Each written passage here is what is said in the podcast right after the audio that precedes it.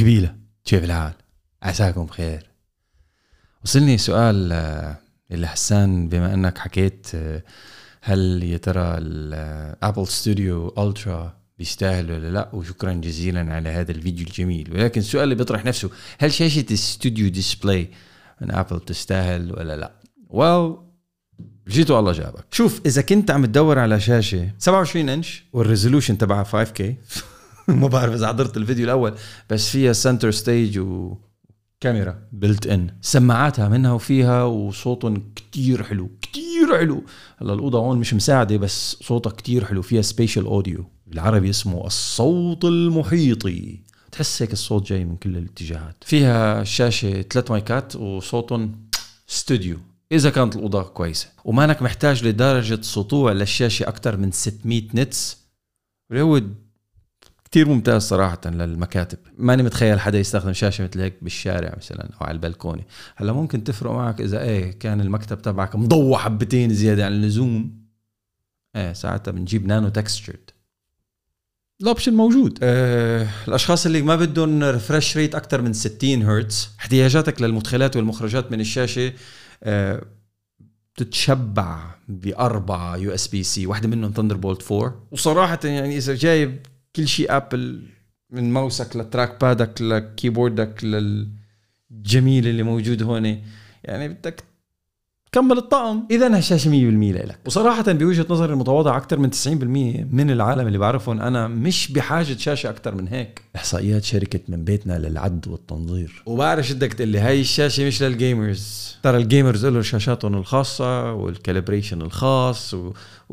لهم عالمهم الخاص. وهي الشاشة مش جاية لتحكي مع ال prosumers واللي هو المستخدم الاحترافي.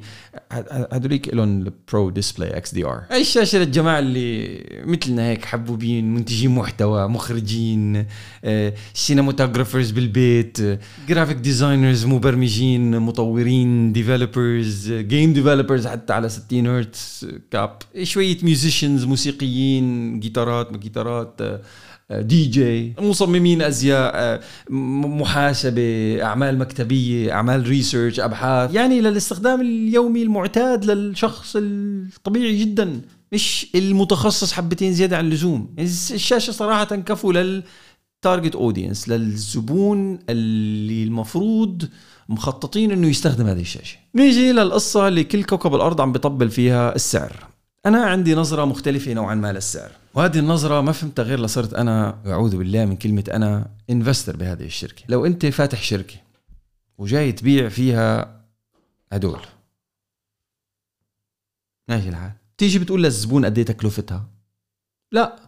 الزبون لحاله بيجي بنق عليك بيقول لك ما هو جارك ببيعها يروح لعند جاري. بتسعرها أنت بمحلك بطريقتك بكيفك. بمقاييسك بما تراه أنت مناسب لل brand تبعك. بيجي حمودي بيجي بيقول لك حمودي طب جارك عنده وجارتك عندها؟ روح لعند جاري وجارتي أنا مش جاي أنا عمي متفضى على مصاري. أنا محلي جاي فاتح فيها ال brand ببيع كرة الثلج وعبالي سعرها بالسعر اللي أنا بدي إياه بالطريقة اللي أنا بدي إياها. غيري عنده كرة ثلج أكبر بسعر أرخص تطحن بن توكل. القلب يدعي لك. محلنا هيك المقاسات هيك المواصفات هيك الأسعار. اللي يبانا حياه الله واللي ما يبانا كمان حياه الله. ما حدا بيقول لك لا لازم تش ما, ما في إجبار بالموضوع. هذا السعر هذا المطروح. بس هذا ملخص الجميله بسم الله على عن جد جميلة. بيس